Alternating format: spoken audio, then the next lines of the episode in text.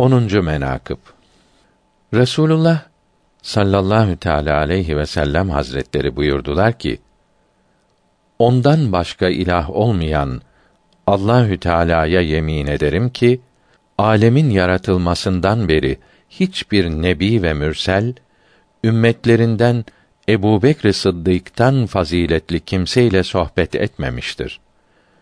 Yine Rasulullah sallallahu teala aleyhi ve sellem buyurmuştur ki: Alem halk olunalıdan beri 124 bin peygamberden hiçbiri Ömer bin Hattab gibi dini kuvvetli birisiyle sohbet etmemiştir.